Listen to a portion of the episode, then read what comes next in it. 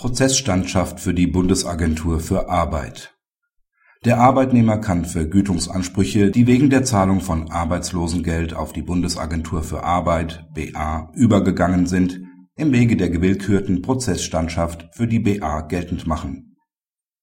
Der Arbeitnehmer ist bei der B GmbH beschäftigt, die im Mai 2005 insolvent geht.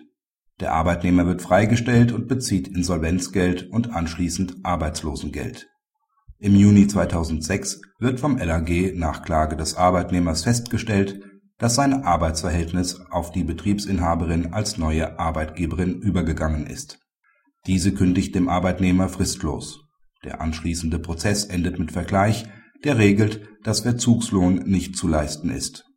Anfang 2007 macht die BA gegenüber der Arbeitgeberin einen Anspruchsübergang wegen Zahlung des Arbeitslosengeldes geltend die Arbeitgeberin verweist aber auf den Prozessvergleich, wonach kein Verzugslohn geschuldet ist, ein Anspruchsübergang also nicht vorliegen kann. Die BA wendet sich an den Arbeitnehmer. Dieser verklagt die Arbeitgeberin auf Zahlung von 14.343,24 Euro an die BA. Dies entspricht dem zuvor bezogenen Arbeitslosengeld. Im Gütetermin legt er eine Einzugsermächtigung mit gewillkürter Prozessstandschaft der BA vor er ist der Ansicht, dass sich bereits die B GmbH in Annahmeverzug befunden hat und dies gegenüber der neuen Arbeitgeberin wirkt. Das BAG weist die Revision der Arbeitgeberin zurück. Die Klage ist zulässig und die gewillkürte Prozessstandschaft wirksam. Der Arbeitnehmer wurde von der BA ermächtigt und hat ein eigenes schutzwürdiges Interesse. Die Zahlung der Vergütung an die BA kommt auch ihm zugute da sie zu einer Verlängerung des Bezugszeitraums für das Arbeitslosengeld führt. Materiell-rechtlich besteht der Zahlungsanspruch. Die B GmbH befand sich durch die Freistellung des Arbeitnehmers im Annahmeverzug. Durch den Betriebsübergang gemäß 613a BGB trat die neue Arbeitgeberin in den bereits begründeten Annahmeverzug ein.